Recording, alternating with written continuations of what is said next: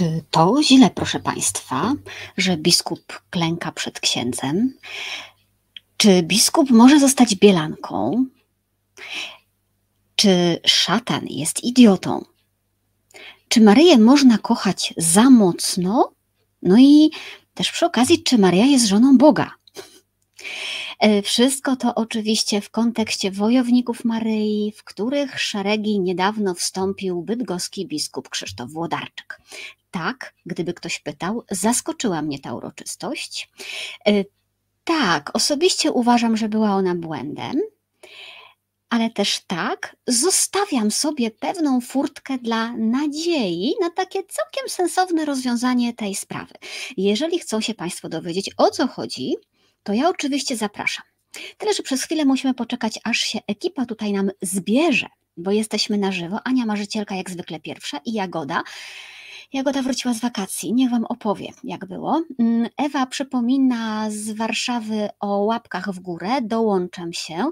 Lech pisze, oj będzie się działo, ale w tym programie żadna nowość. No w tym, tym razem zupełnie będzie się działo, bo mam tutaj trzy zwierzaki koło siebie tym razem, y, a tylko dwa patyczki, dwa smaczki. Więc zobaczymy, jak to będzie wyglądało, ale to tylko przy okazji.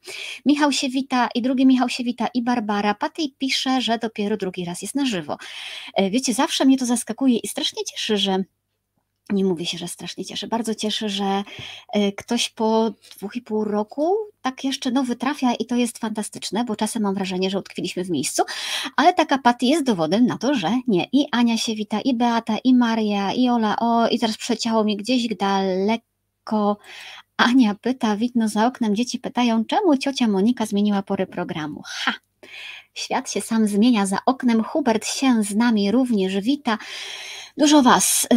poprosimy koty. Wiecie, problem polega na tym, że ja w trakcie audycji nie bardzo mogę ruszyć kamerę, bo jak ruszę kamerę, to ona się przestawi, ale spróbujmy. Fufu? Fufu? Melka, chodź.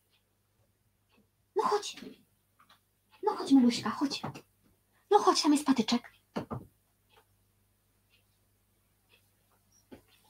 Ja bardzo żałuję, że nie mogę Państwu pokazać, jak ona galopowała tym razem przez całe mieszkanie, żeby, żeby tutaj dotrzeć.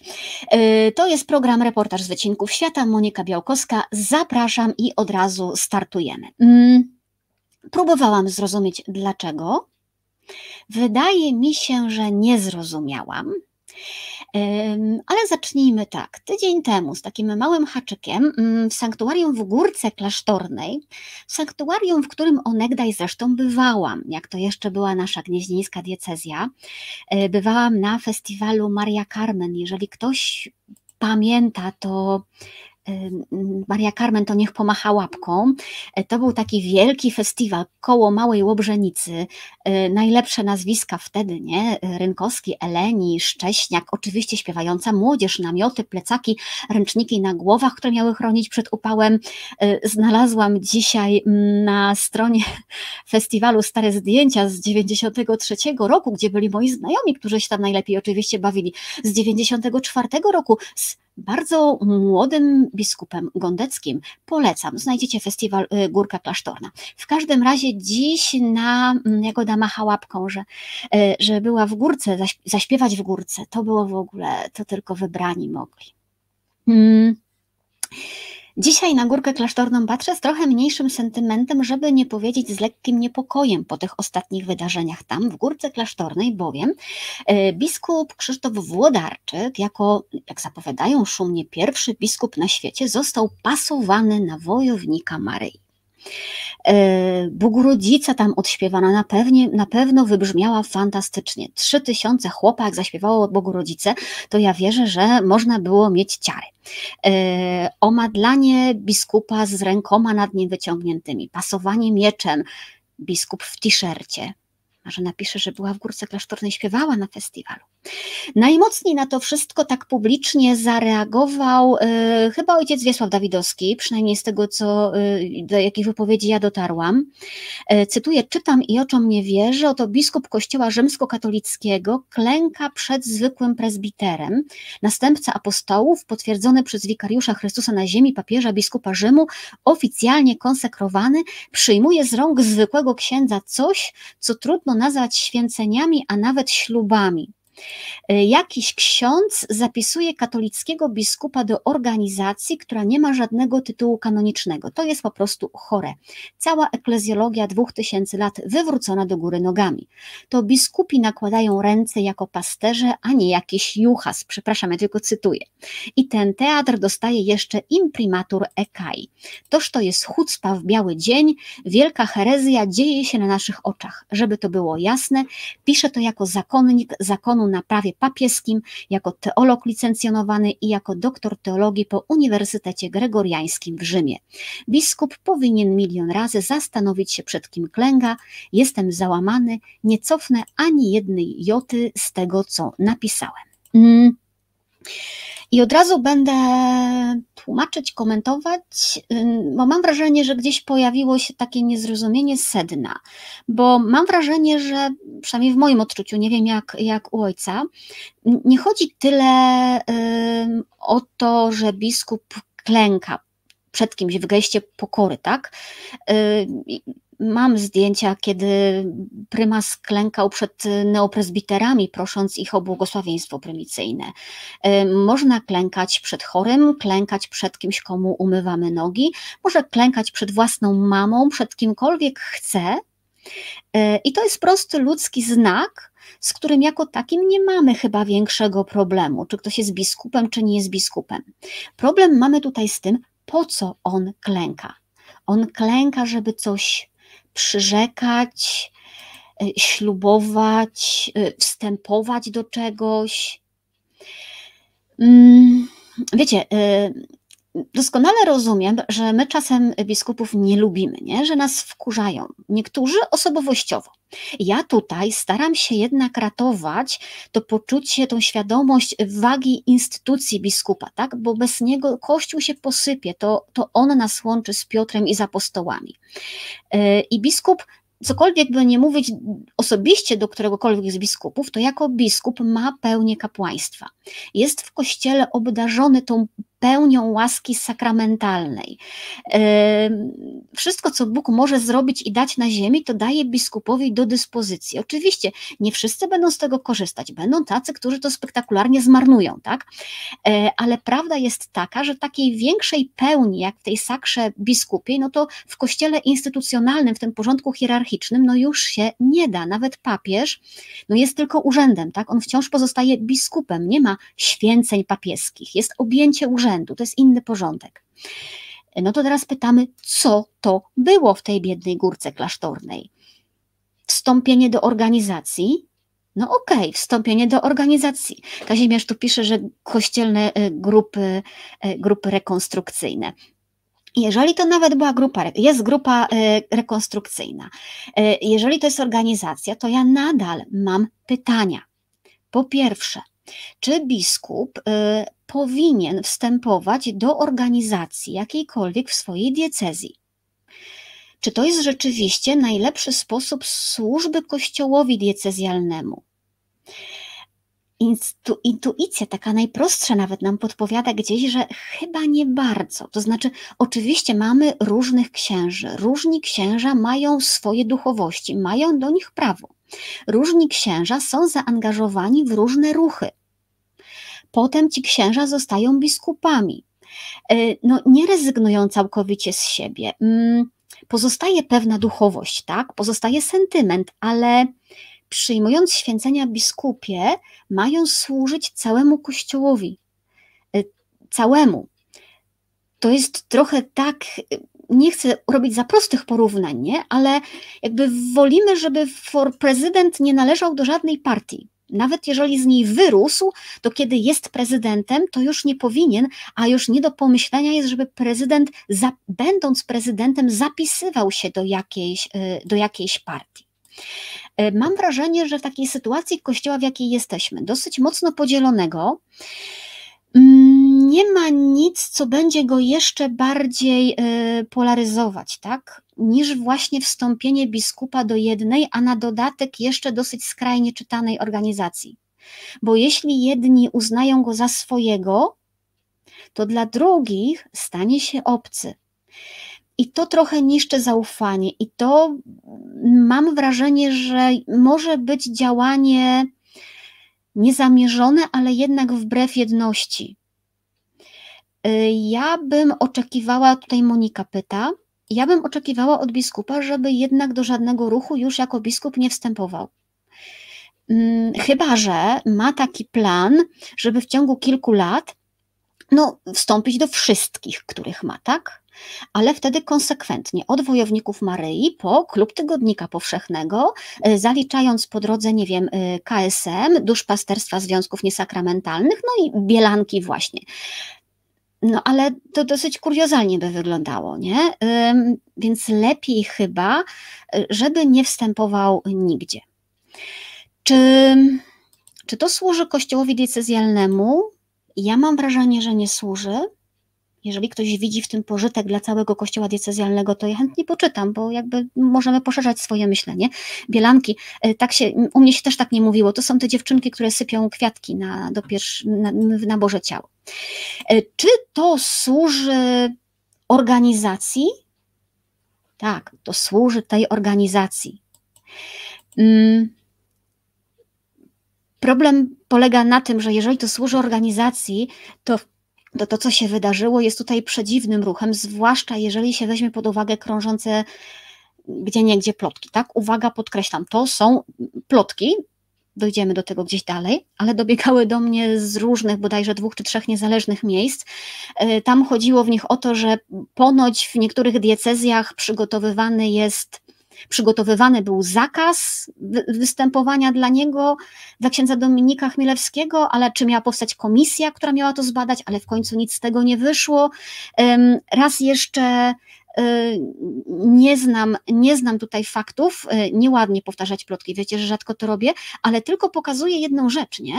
że jeżeli jest jakaś niepewność i biskup teraz do tego wstępuje, no to wiadomo, że nic więcej się nie wydarzy bo głupio będzie, nawet gdyby tam się działo coś teraz wątpliwego, głupio będzie zabronić działalności organizacji, do której należy mój kolega biskup, nie? E, no i w ten sposób staliśmy się rzeczywiście świadkami, ktoś to napisał, chyba też ojciec Wiesław, e, legalizacji tego ruchu, takiej trochę, e, trochę takiej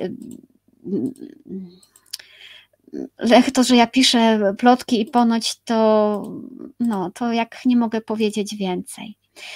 E, o, mm, o to, czy tam się dzieje coś złego, czy się nie dzieje złego, to jest. Y, no to trzeba by tam być tak naprawdę i prześledzić całą, e, całą działalność. E, głosy wątpliwości pojawiają się, pojawiają się niezbyt często, ale też e, jest od razu szybka reakcja na to. Wiesław, ojciec Wiesław Dawidowski napisał wprost, kwestionuje legalizację kolejnego ruchu o charakterze, sekty. E, I to są bardzo mocne słowa.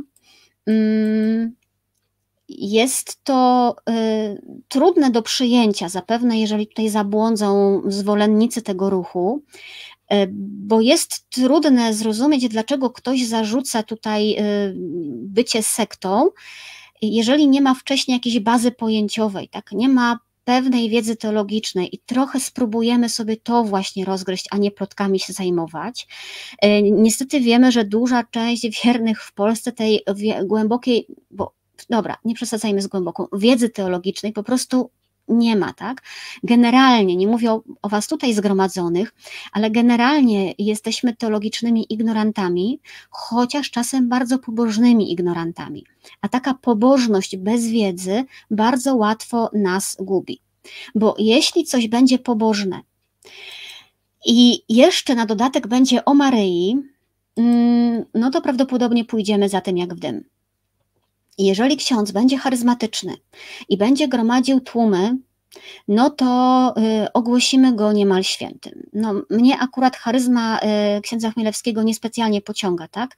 Nie, nie lubię takiej modulacji głosu, krzyku i emocjonalnych szantaży, ale, mm, no, ale wiemy, że jeżeli za kimś idą tłumy, to na pewno ma rację, tłum nie może się mylić.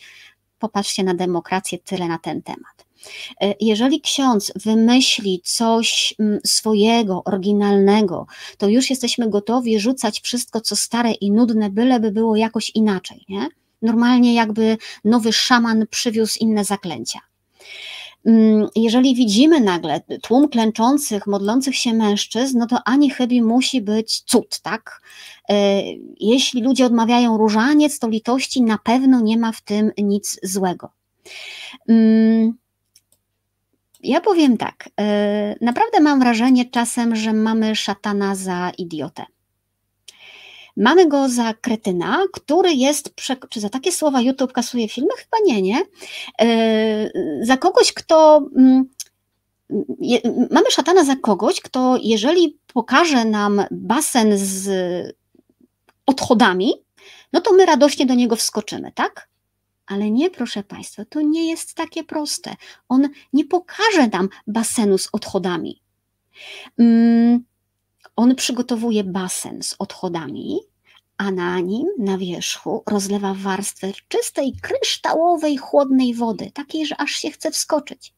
Czasem nawet sporą warstwę tej wody rozlewa, żebyśmy chcieli, żebyśmy chcieli tam wskoczyć, żebyśmy się dali nabrać.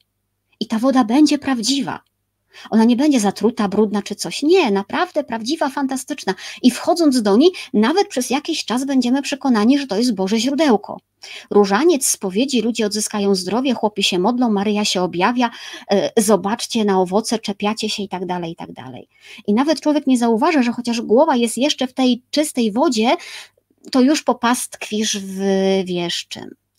I mm, dlatego Dlatego y, odważna deklaracja. Kocham Kościół.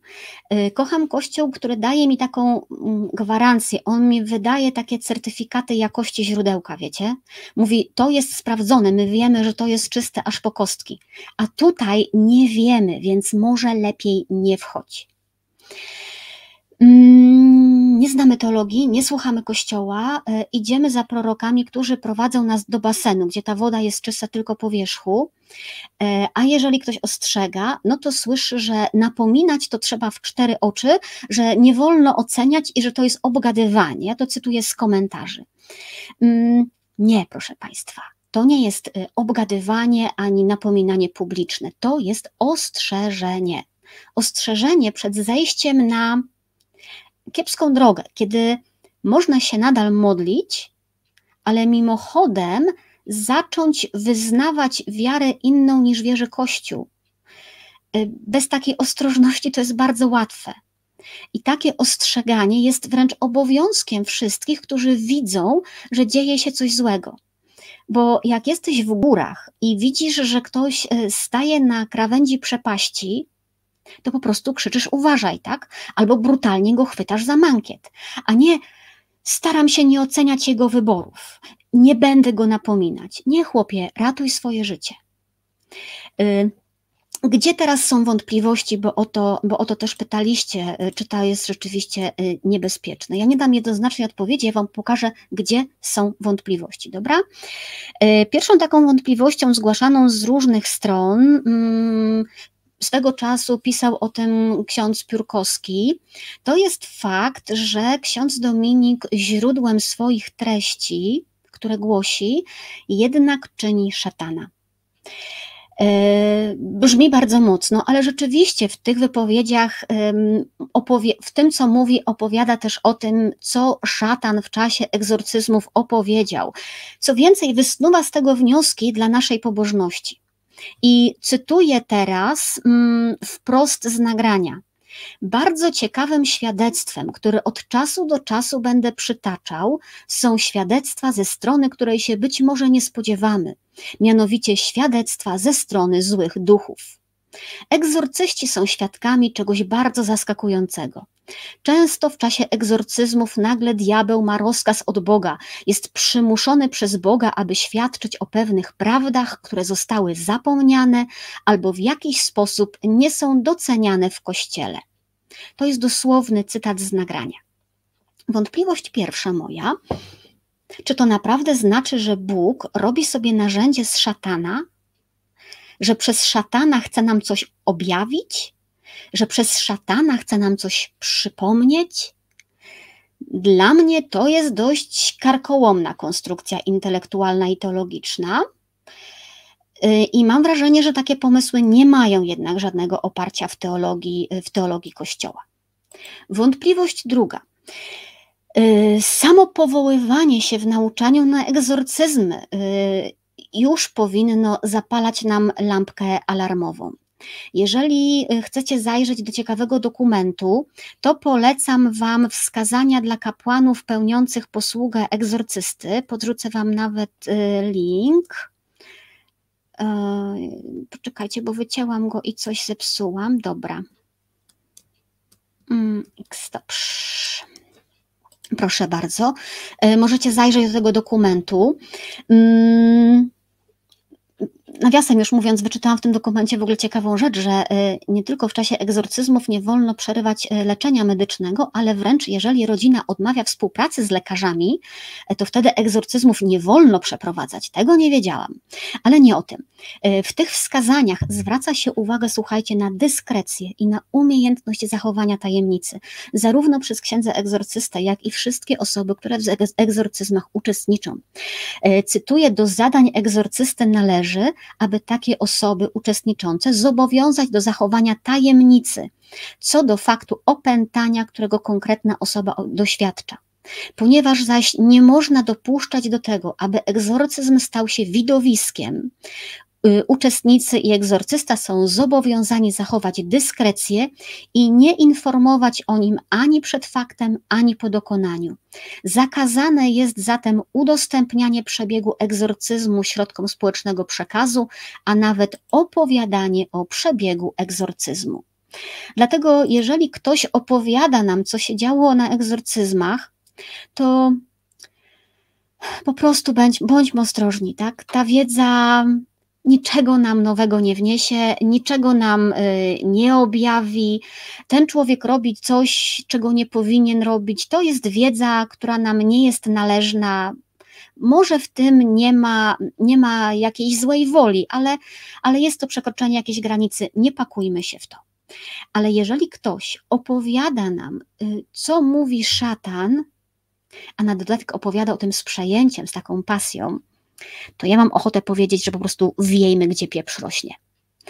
No dobra, no może wiać to od razu nie trzeba, ale naprawdę spokojnie można wzruszyć ramionami, odwrócić się napięcie i wyjść. Nawet jeżeli to będzie ksiądz. Y, cała ta fascynacja tym, y, co powie szatan, y, co szatan powiedział o Maryi, mm, co powiedział o nas, to jest chore i z gruntu niechrześcijańskie, tak? W chrześcijaństwie, proszę Państwa, słuchamy głosu Jezusa. Aż, a czy szatan kłamie, czy akurat mówi prawdę? Y, w ogóle nie powinniśmy się nad tym zastanawiać, y, wsłuchiwać się w ten głos, rozkminiać, poświęcać temu chociażby minuty naszej uwagi. Jeżeli on naszą uwagę przykuje, jeżeli on nas zainteresuje, jeżeli zaczniemy go słuchać, co ma do powiedzenia, no to on w tym momencie już wygrywa. Y, I szukałam sobie obrazów, wiecie, i sobie pomyślałam, że to jest tak jak y, z zakochaną kobietą, tak? Mm, jeżeli jest zakochana, jeżeli czuje się kochana, jeżeli jest szczęśliwa przy swoim mężczyźnie, to choćby ten mężczyzna miał 1,60 m wzrostu i 20 kg nadwagi, a obok przechodził Robert Lewandowski, to ona nie zwróci na tego Lewandowskiego uwagi bo ona jest zakochana i ona w oczy swojego mężczyzny będzie patrzyła i nie obchodzi jej jakiś obcy gość z piłką, nie? I tak powinna wyglądać nasza relacja z Jezusem. A tutaj wielu mówi, że go kocha, ale cały czas zerka tam do sąsiedniego stolika w knajpie. Nie co ten Lewandowski tam je, pije i o czym gada z kumplem. A Jezus siedzi obok, opuszczony, bo jego słowa zignorowaliśmy, no bo my już znamy, nie? My już wiemy, co ma do powiedzenia, no a tam to jest nowe, ciekawe, nie? Y, ludzie mm, broniący księdza Dominika będą pytali, no ale co ten szatan powiedział takiego, czego byśmy i tak z objawienia nie wiedzieli? Nieważne, proszę Państwa. Nawet gdyby mówił samą prawdę i tylko prawdę, co jest mało prawdopodobne, to nie jego mamy słuchać, to o to chodzi. Nie jemu mamy poświęcać czas i uwagę, niech spada po prostu. My mamy swoją miłość przy swoim stoliku. Mm, nawet gdyby mówił szczerą prawdę. Drogie panie, Teraz do pań mówię, wyobraźcie sobie, że e, wasz mężczyzna ukochany zabiera was na romantyczną kolację, taką obiecaną od dawna, nie? E, dawno się nie widzieliście. Mm, jesteś stęskniona, nie możesz się doczekać, żeby wreszcie pobyć razem po jakiejś długiej rozłące. Idziecie do knajpy. Za chwilę do tej knajpy na wasze nieszczęście wchodzi kumpel waszego mężczyzny, dosiada się do was i panowie zaczynają rozmowę.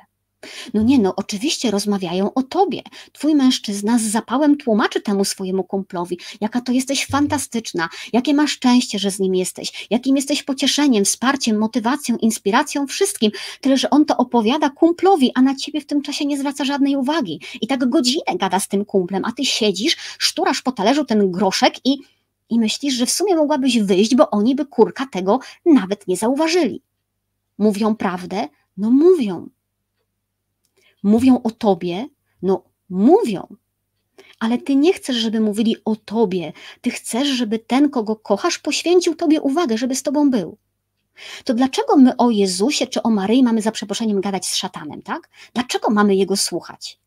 Ja tutaj sensu nie widzę. To jest dla mnie raczej skakanie do basenu z tym, wiecie czym? Przykrytym dla niepoznakich kryształową wodą. Y, szatan y, po zmartwychwstaniu Jezusa on już w świecie nie jest ważny. Ważny y, staje się wówczas, kiedy my mu poświęcamy czas. Dlatego tak o to zabiega. Zobaczcie, jak traktował go Jezus. Nie mówił, powiedziałeś prawdę, ale ha, ha, ha, cwaniaczku, podyskutujmy. Jezus go traktuje obcesowo, mówi, spadaj, nie wchodzę z tobą w żadne dyskusje, zamknij się.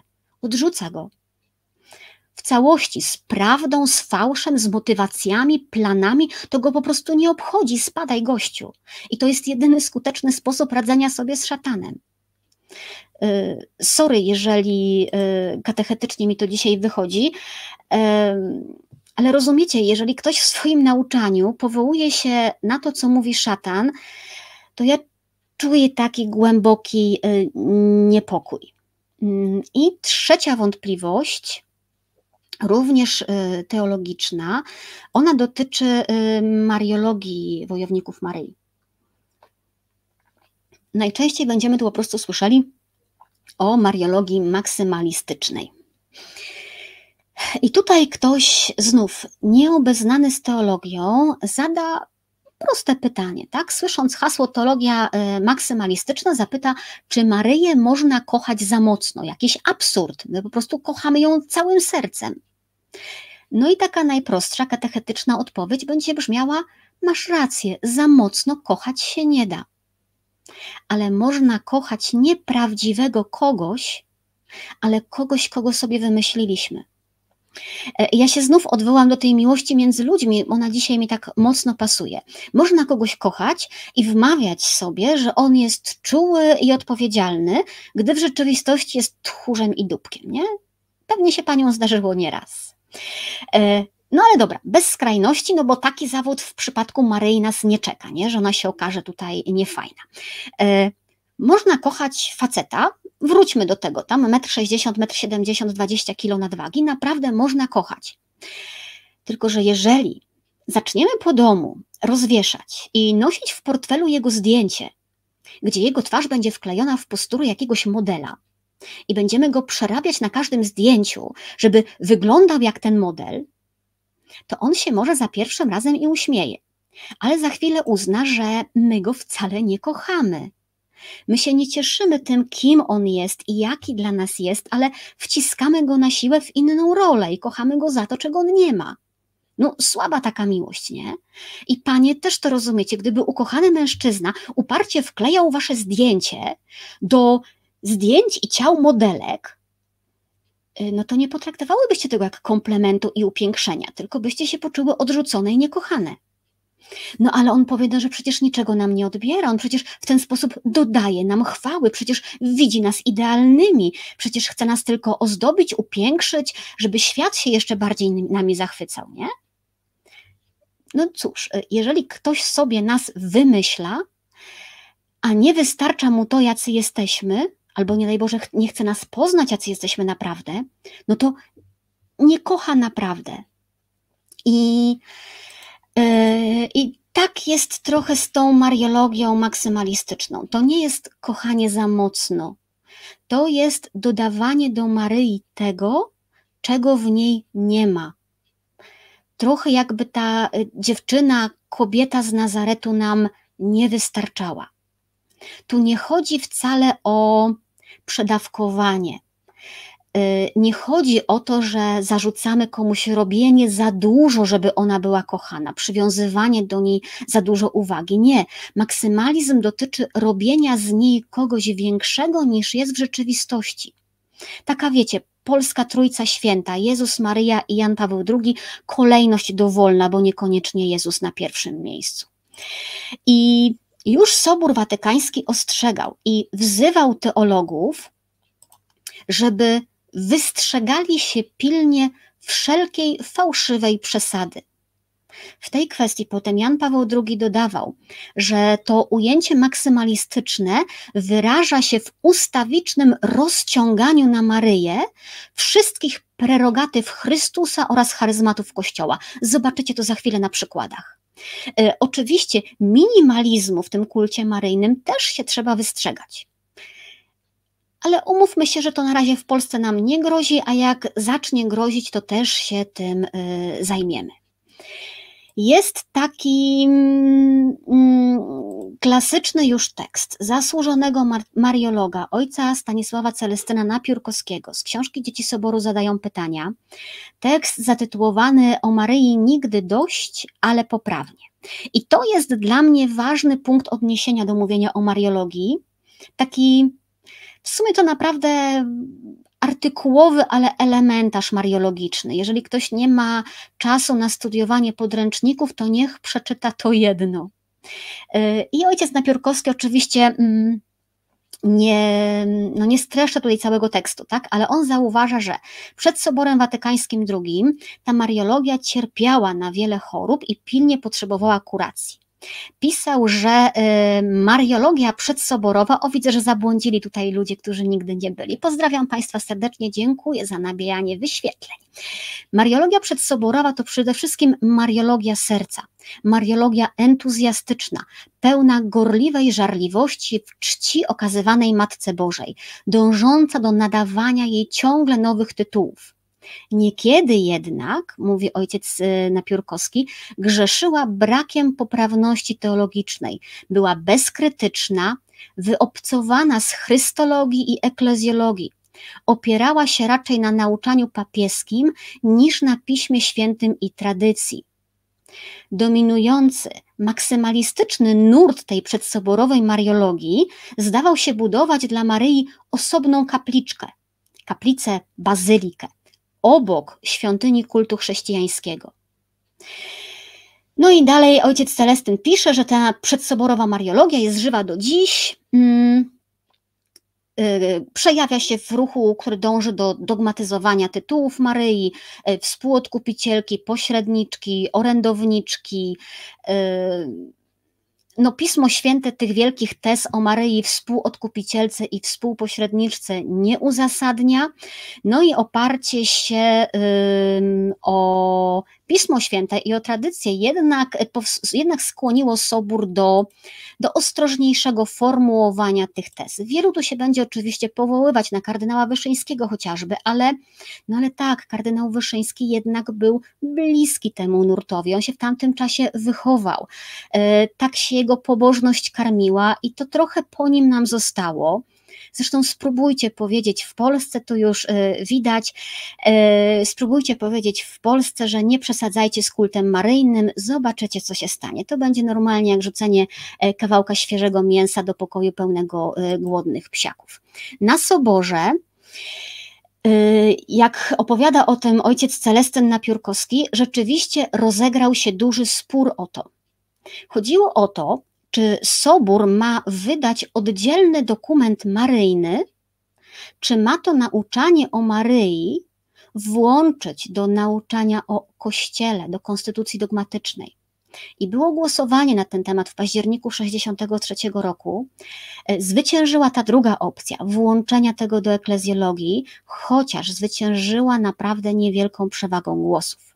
Sporo tych głosów wnieśli ojcowie z Ameryki Łacińskiej, którzy znali sprawę z doświadczenia i wiedzieli, że jeżeli ten kult maryjny się wyizoluje z całego kultu chrześcijańskiego, to nie przyniesie to dobrych owoców. Cytuję. Mm, ojciec Napiórkowski.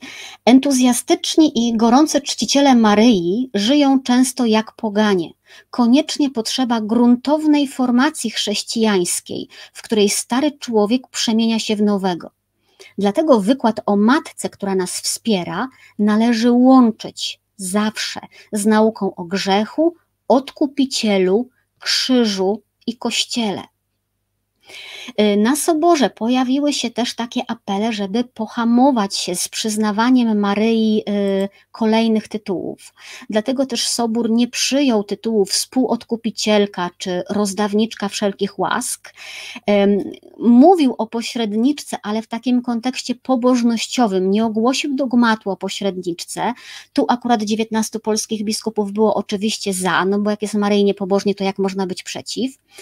Y, zresztą tego tytułu współodkupicielki, e, ten tytuł nadal nie został przez Kościół przyjęty. Nie zrobił tego bardzo maryjny Jan Paweł II. Kardynał Ratzinger był wyraźnym przeciwnikiem tego tytułu. E, mówił, że tytuł współodkupicielka to jest w ogóle tak odległe od Pisma Świętego, tak odległe od nauczania ojców Kościoła, że mogłoby prowadzić do e, poważnych nieporozumień, bo Maryja jest wszystkim, czym jest przez Niego, przez Jezusa, pisał y, Ratzinger, więc to by zamazało to jej pochodzenie i rzeczywistą intencję. I podobnego zdania jest też papież Franciszek, y, który nie wprowadza żadnej nowości, tylko wpisuje się w cały nurt po Soborze Watykańskim II. Mówi, Maryja nigdy nie chciała dla siebie niczego, co jest jej syna. Nigdy nie przedstawiała siebie jako współodkupicielki. Nie, była uczennicą. I papież powiedział bardzo ostro: przychodzą do nas i mówią, by ogłosić ją współodkupicielką albo uczynić to dogmatem. Nie popadajmy w nonsens. Tam jest mocne słowo, ale chodzi o to, że to pojęcie rzeczywiście teologicznie nie ma sensu.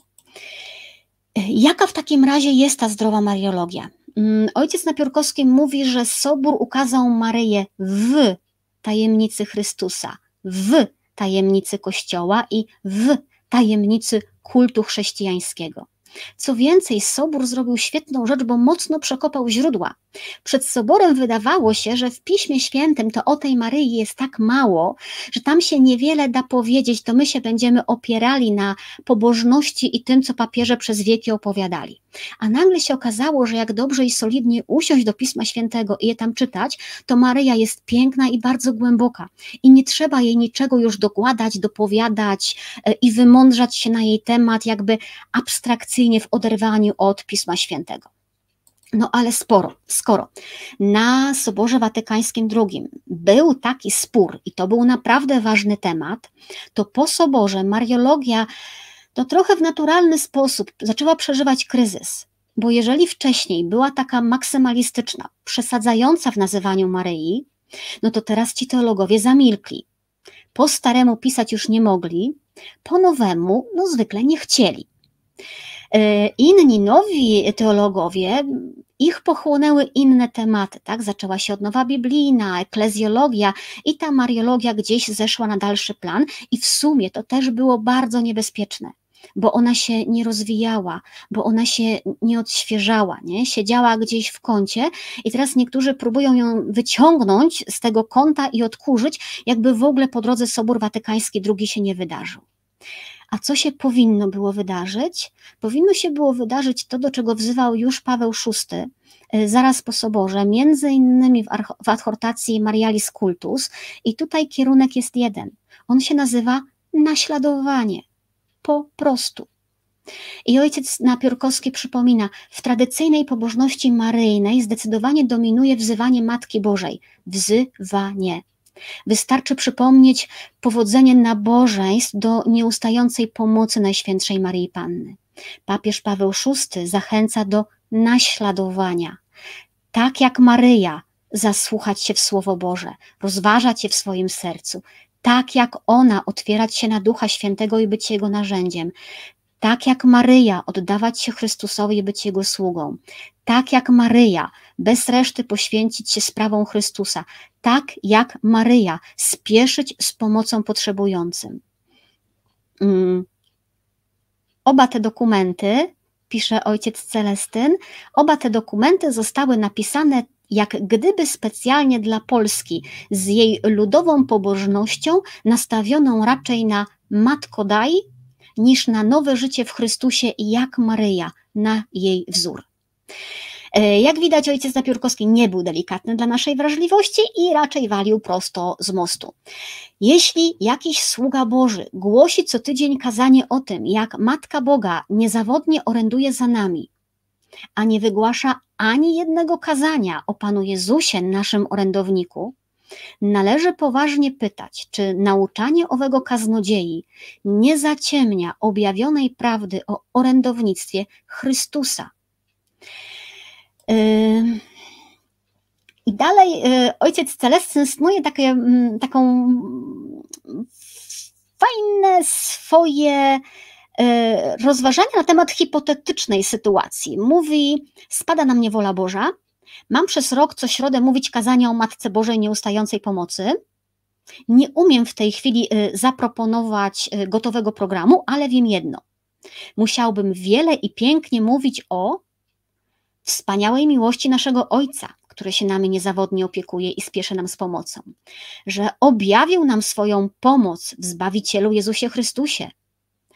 I o tym, że Jezus, Odkupiciel, nasz orędownik, wspomożyciel, objawia nam Ojca Bogatego w miłosierdzie. Dopiero w tym kontekście próbowałbym mówić o tym, że ojciec i syn zdumiewająco chętnie przychodzą nam z pomocą przez ludzi, w szczególny sposób przez szczególnych ludzi, w tym przez świętą Matkę Pana i naszą duchową Matkę. Mówiłbym, że taką ekonomię zbawienia odsłania nam Słowo Boże przez ludzi, przez Kościół, przez kapłana, przez rodziców, przez wychowawców, przyjaciół, przez obcych. Możliwe, że często kończyłbym tak, spróbujmy, by także przez nas Jezus przychodził komuś z pomocą. Słuchajcie, tego nie mówi wywrotowiec, to mówi mariolog Facet, który całe życie poświęcił studiowaniu życia i znaczenia y, Maryi w naszej wierze. Widzicie tę logikę. Y, ojciec Lech pisze: Kocham Maryję bardzo, ale bardzo trudno jest mi o niej mówić, taka tajemnica dla mnie. Ja się Wam przyznam, że miałam w życiu taką mocno przegiętą Maryjną fazę, naprawdę aż przegiętą. E, kiedy Jezus był dla mnie właściwie synem swojej matki, pamiętam, że jak mieliśmy gdzieś na katechezie napisać, że kim jest dla mnie Jezus, to gdzieś tam coś takiego wypaliłam, tylko że to było, wiecie, w pierwszej czy drugiej klasie liceum, nie? Zaraz po tym, jak jak wciągnęło mnie chodzenie na Jasną Górę i dosyć szybko z tego wyrosłam, tak? Nie z nabożeństwa maryjnego, ale z kolejności w tym kulcie. E, oczywiście jest, oczywiste jest, że mm, Sobór nie odrzucił modlitw do Matki Bożej, że to należy do tradycji Kościoła, ale nie mógł i nie chciał przyjmować do wiadomości poważnych problemów, jakie tkwią w tak zwanym kulcie świętych, świętym i tak zwanej pobożności maryjnej. To jest cytat nadal z ojca Napiórkowskiego. Wyraźnie szukał bardziej przekonywujących ujęć, mniej prowokujących, mniej wieloznacznych, wyraźniej chrystocentrycznych. Mm. Ja tak się zastanawiam, czy wszystko czy wszystko wam mówić, bo on też tutaj pisze o koronacjach na przykład i że jakoś figur Chrystusa nie koronujemy, e, a, mm, e, a, a, Maryję, a Maryję tak. Przeczytajcie sobie ten tekst, on jest bardzo długi i niezwykle ciekawy. Jak tu się dzisiaj wiele osób zrobiło, domyślam się, że nabijacie kliki. Przyjdźcie innego dnia też, tu fajnie jest. E, zobaczcie, tu więc to nie jest tylko kwestia tego, czy to jest maksymalizm, czy minimalizm, nie? czy coś dodajemy Maryi, czy ogałacamy ją z różnych naleciałości, ale chodzi o pewien kierunek, o to, czy idziemy do niej, czy idziemy z nią. Bo my teoretycznie wiemy, że ona prowadzi nas do Jezusa i mam wrażenie, że wszystko sobie tym zasłaniamy, tyle że jakby przestajemy widzieć, że ten Jezus tam jest tym kresem drogi, tak? Że się tam może pochrzanić, kto jest celem, a Maryja zdecydowanie nie chce być celem naszej drogi. Gdybyśmy jej powiedzieli, że idziemy do niej, by powiedziała człowieku, puknij się w głowę. E, I teraz na koniec, mm, ja się tutaj powołam, bo nie robiłam sama takich analiz, na pracę naukową. Ksiądz się nazywa Sebastian Wiśniewski. W ubiegłym roku na UAM-ie zajął się właśnie tym zwrotem ku mariologii maksymalistycznej. No, na dodatek na przykładzie nauczania księdza Dominika Chmielewskiego. Wiecie już trochę o tej zdrowej teologii, tej mariologii po, yy, posoborowej. Yy, tak, tę rozmowę z ojcem Napiórkowskim, między innymi pani Elżbieta Elżbieta Adamiak prowadziła. Wiecie trochę o zdrowej mariologii, więc posłuchajcie też tego, spróbuję to w kilku punktach streścić. Po pierwsze, wiemy, że miejsce Maryi jest po stronie Kościoła, że Maryja należy do Kościoła, a u księdza Dominika w wielu jego tekstach zdaje się być kimś ponad albo wokół Kościoła. E, I będę się tutaj posługiwała cytatami. Y, wszyscy jesteśmy ukryci w niej, w jej łonie. To jest nieuprawniona analogia do tego, że nasze życie ukryte jest w Bogu. Inny cytat z księdza Dominika. Ona jest łonem dla dziecka mającego się narodzić, zanurzonego w niej przez chrzest. Od momentu zanurzenia się w Maryi już nic innego się nie liczy. Chrzest nie zanurza nas w Maryi, chrzest zanurza nas w Bogu. Maryja jest obecna przy nas, a nie jest obecna w nas. Druga rzecz to są określenia Matki Bożej, mm, zaskakujące. Ksiądz Dominik, to głównie chodzi o jego książkę, on potem w, swoich, w swoim mówieniu te, te treści często powtarza, e, nazywa Maryję małżonką Boga albo małżonką Ducha Świętego. Te określenia wprost padają w książce. One nie mają żadnego oparcia w Piśmie Świętym, mm, nie pojawiają się w nauczaniu Kościoła. Mm, a tutaj czytamy tak. Zjednoczenie niepokalanej z Duchem Świętym jest tak doskonałe i tajemnicze, że działa on tylko przez niepokalaną swoją małżonkę to już w ogóle prowadzi nas do sprzecznego z nauczaniem Kościoła odkrycia, że Duch Święty może działać tylko przez Maryję, że bez niej jest bezradny, że bez niej nie ma sakramentów, że bez niej nie ma Eucharystii. Działa on tylko przez niepokalaną. Jeżeli ksiądz Dominik w to wierzy, to mamy tutaj do czynienia z poważnym problemem, bo to nie jest wiara Kościoła, którą otrzymaliśmy od apostołów. Kropka. Chociaż ja przyznaję, ja podejrzewam tutaj, że to, że to jest raczej takie dyktowane pobożnością uniesienie, tak? Y, jeżeli brakuje podstaw, takich mocnych fundamentów teologicznych y, i co za tym idzie, brakuje takiego widzenia daleko idących wniosków teologicznych, no to wtedy pobożnością i elokwencją właśnie ładujemy się na, y, na takie miny. Y, ksiądz Wiśniewski, który o tym pisze, y, mówi tak: Kiedy przyjęlibyśmy teologiczną koncepcję głoszoną przez księdza Chmielewskiego, wówczas trzeba by uznać, że nawet przeistoczenie dokonuje się przez Maryję, a w Eucharystii mówimy, że oddajemy wszelką cześć i chwałę Bogu Ojcu Wszechmogącemu w jedności Ducha Świętego przez Chrystusa, z Chrystusem i w Chrystusie. Podczas gdy tak naprawdę dzieje się to tylko przez Maryję. Jakkolwiek przedziwnie to brzmi, Ja nie wiem, czy już się nie będziecie śmiać, wiecie, mm, ale naprawdę momentami Maryja staje się tutaj osobą trójcy, nie, no nie trójcy świętej, czwórcy świętej, tak? E, cytuję, przywołując objawienia z Lourdes, ksiądz Chmielewski dochodzi do wniosku, że objawiła się tam Trójca Święta, która przyszła do świętej Bernadety w postaci widzialnej jako Maryja i dalej, Bóg i Maryja zdają się być dla duszy jedną tylko istotą. prawie na podobieństwo człowieczeństwa Chrystusa, które złączone z bóstwem stanowi jedną tylko osobę i jeden przedmiot kontemplacji. To już, to już jest nic innego jak ubóstwienie Maryi. Na dodatek tutaj znów dochodzimy do takiego absurdu, że objawienia w Lourdes zostały, nie wiem, zapowiedziane w Piśmie Świętym, bo w pieśni nad pieśniami oblubieniec mówi do oblubienicy przyjdź w zagłębieniu skały, a Maryja w Lourdes objawiła się właśnie w zagłębieniu skały, nie? Znów ufam, że aż tak daleko nie idzie ta rzeczywista myśl, ale pokazuje tylko, jak ta myśl się rozpada, y, jeżeli wyciągać z niej teologiczne wnioski.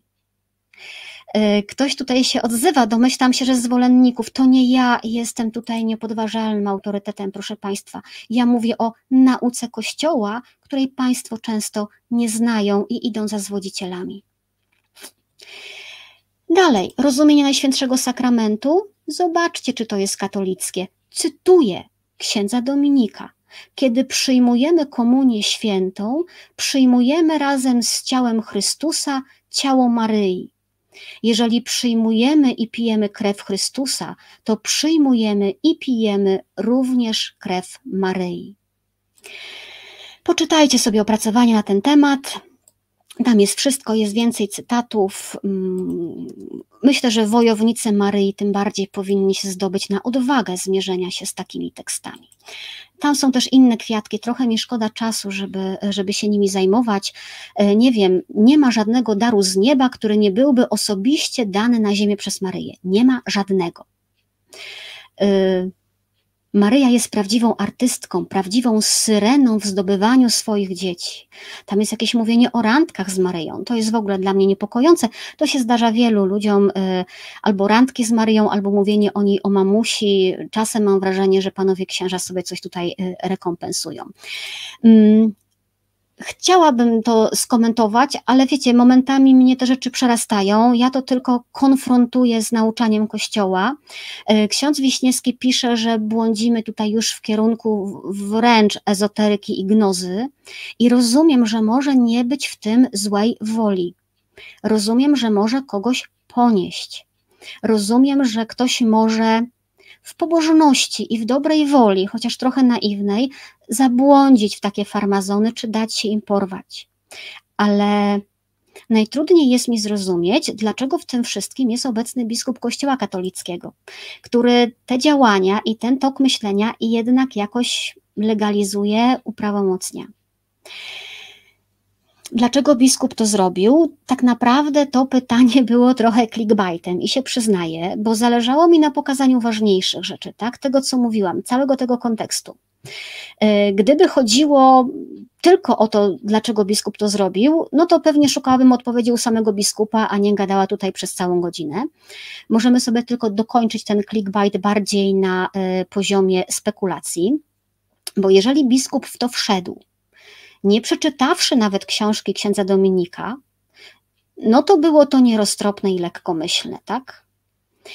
E, jeżeli przeczytał tę książkę i podjął decyzję o włączeniu się do tego ruchu świadomie, to ja już sama nie wiem, albo się nie zna na teologii, albo jest sabotażystą, który ma rozwalić Kościół, a wiecie, że ja tak tutaj takich teorii nie głoszę e, i absolutnie w to nie wierzę, bo już wspominaliście o tym, biskup Krzysztof to jest naprawdę mądry człowiek, to jest po ludzku bardzo dobry człowiek. Mm, I nie wiem, czy przez tę dobroć nie został gdzieś po prostu w coś y, wciągnięty. E, I pytaliście, ja też się śmiałam, czy jest w tym nadzieja? Jest. I ja wierzę, wiecie, w jaką opcję? E, taką, że biskup mm, doskonale znał niebezpieczeństwa i że działając z zewnątrz i zakazując działalności, no to mógł tylko wzniecić bunt i dać jeszcze większe paliwo, i wiemy, jak źle to się kończy. Zwłaszcza jak się ma między, przed sobą mm, tysiące mężczyzn z mieczami, nie? to już żartuję. E, ale od wewnątrz, będąc jednym z nich, może będzie mógł skuteczniej wpłynąć na wyprostowanie tego wszystkiego, co jest tam niepokojące, co jest po prostu błędami teologicznymi. Taka wiecie, trochę nowoczesna biskupia dywersja. I chyba tej optymistycznej wersji się trzymajmy, czego oczywiście y, sobie i Państwu życzę. Przypominam też Państwu, że dzisiaj, już tak na koniec, jest Światowy Dzień Uchodźcy. E, I zanim ten dzień się skończy, to ja bardzo uprzejmie proszę, żeby Państwo zrobili prezent sobie, sobie, tak? Żeby Państwo kupili książkę, kto jeszcze jej nie czytał i nie zna, bo ta książka ma szansę sprawić, że uchodźcom będzie się żyło lepiej, bo my staniemy się wrażliwsi na ich los. I dlatego ją polecam, tylko i wyłącznie dlatego. E, przypominam o kliknięciu lubię to na profilu reportaż z wycinków świata. Przypominam o lajkach pod filmem. Przypominam, że każdy komentarz pod filmem mm, nakręca algorytmy. Także drodzy zwolennicy księdza Dominika, pamiętajcie, e, im więcej będziecie komentować, tym trafimy do szerszej liczby odbiorców, więc dobrze pomyślcie, czy opłaca się Wam nabijać tę oglądalność. E, przypominam. E, przypominam, że program można wspierać zostając jego patronem. Oczywiście w serwisie Patronite to jest dla mnie ważne, bo Y, te programy tak naprawdę od ponad roku istnieją tylko i wyłącznie dzięki patronom. Dzięki patronom powstała książka. Y, dzięki patronom dostałam właśnie trzecią już, ja się śmieję, że abonamentową y, nominację do Nagrody Dziennikarskiej Ślad, więc warto do tego prestiżowego grona patronów dołączyć do grupy wsparcia również, gdzie się można i wyżalić, i pogadać, i dostać pocieszenia, pocieszenie. A my, proszę Państwa, spotykamy się jak zwykle w czwartek, jak zwykle o godzinie 21.15. Widzę, że tam są jeszcze dobre polecajki książkowe. Dobrej nocy, proszę Państwa. To był program Reportaż z Wycinków Świata. Monika Białkowska. Śpijcie dobrze i do zobaczenia.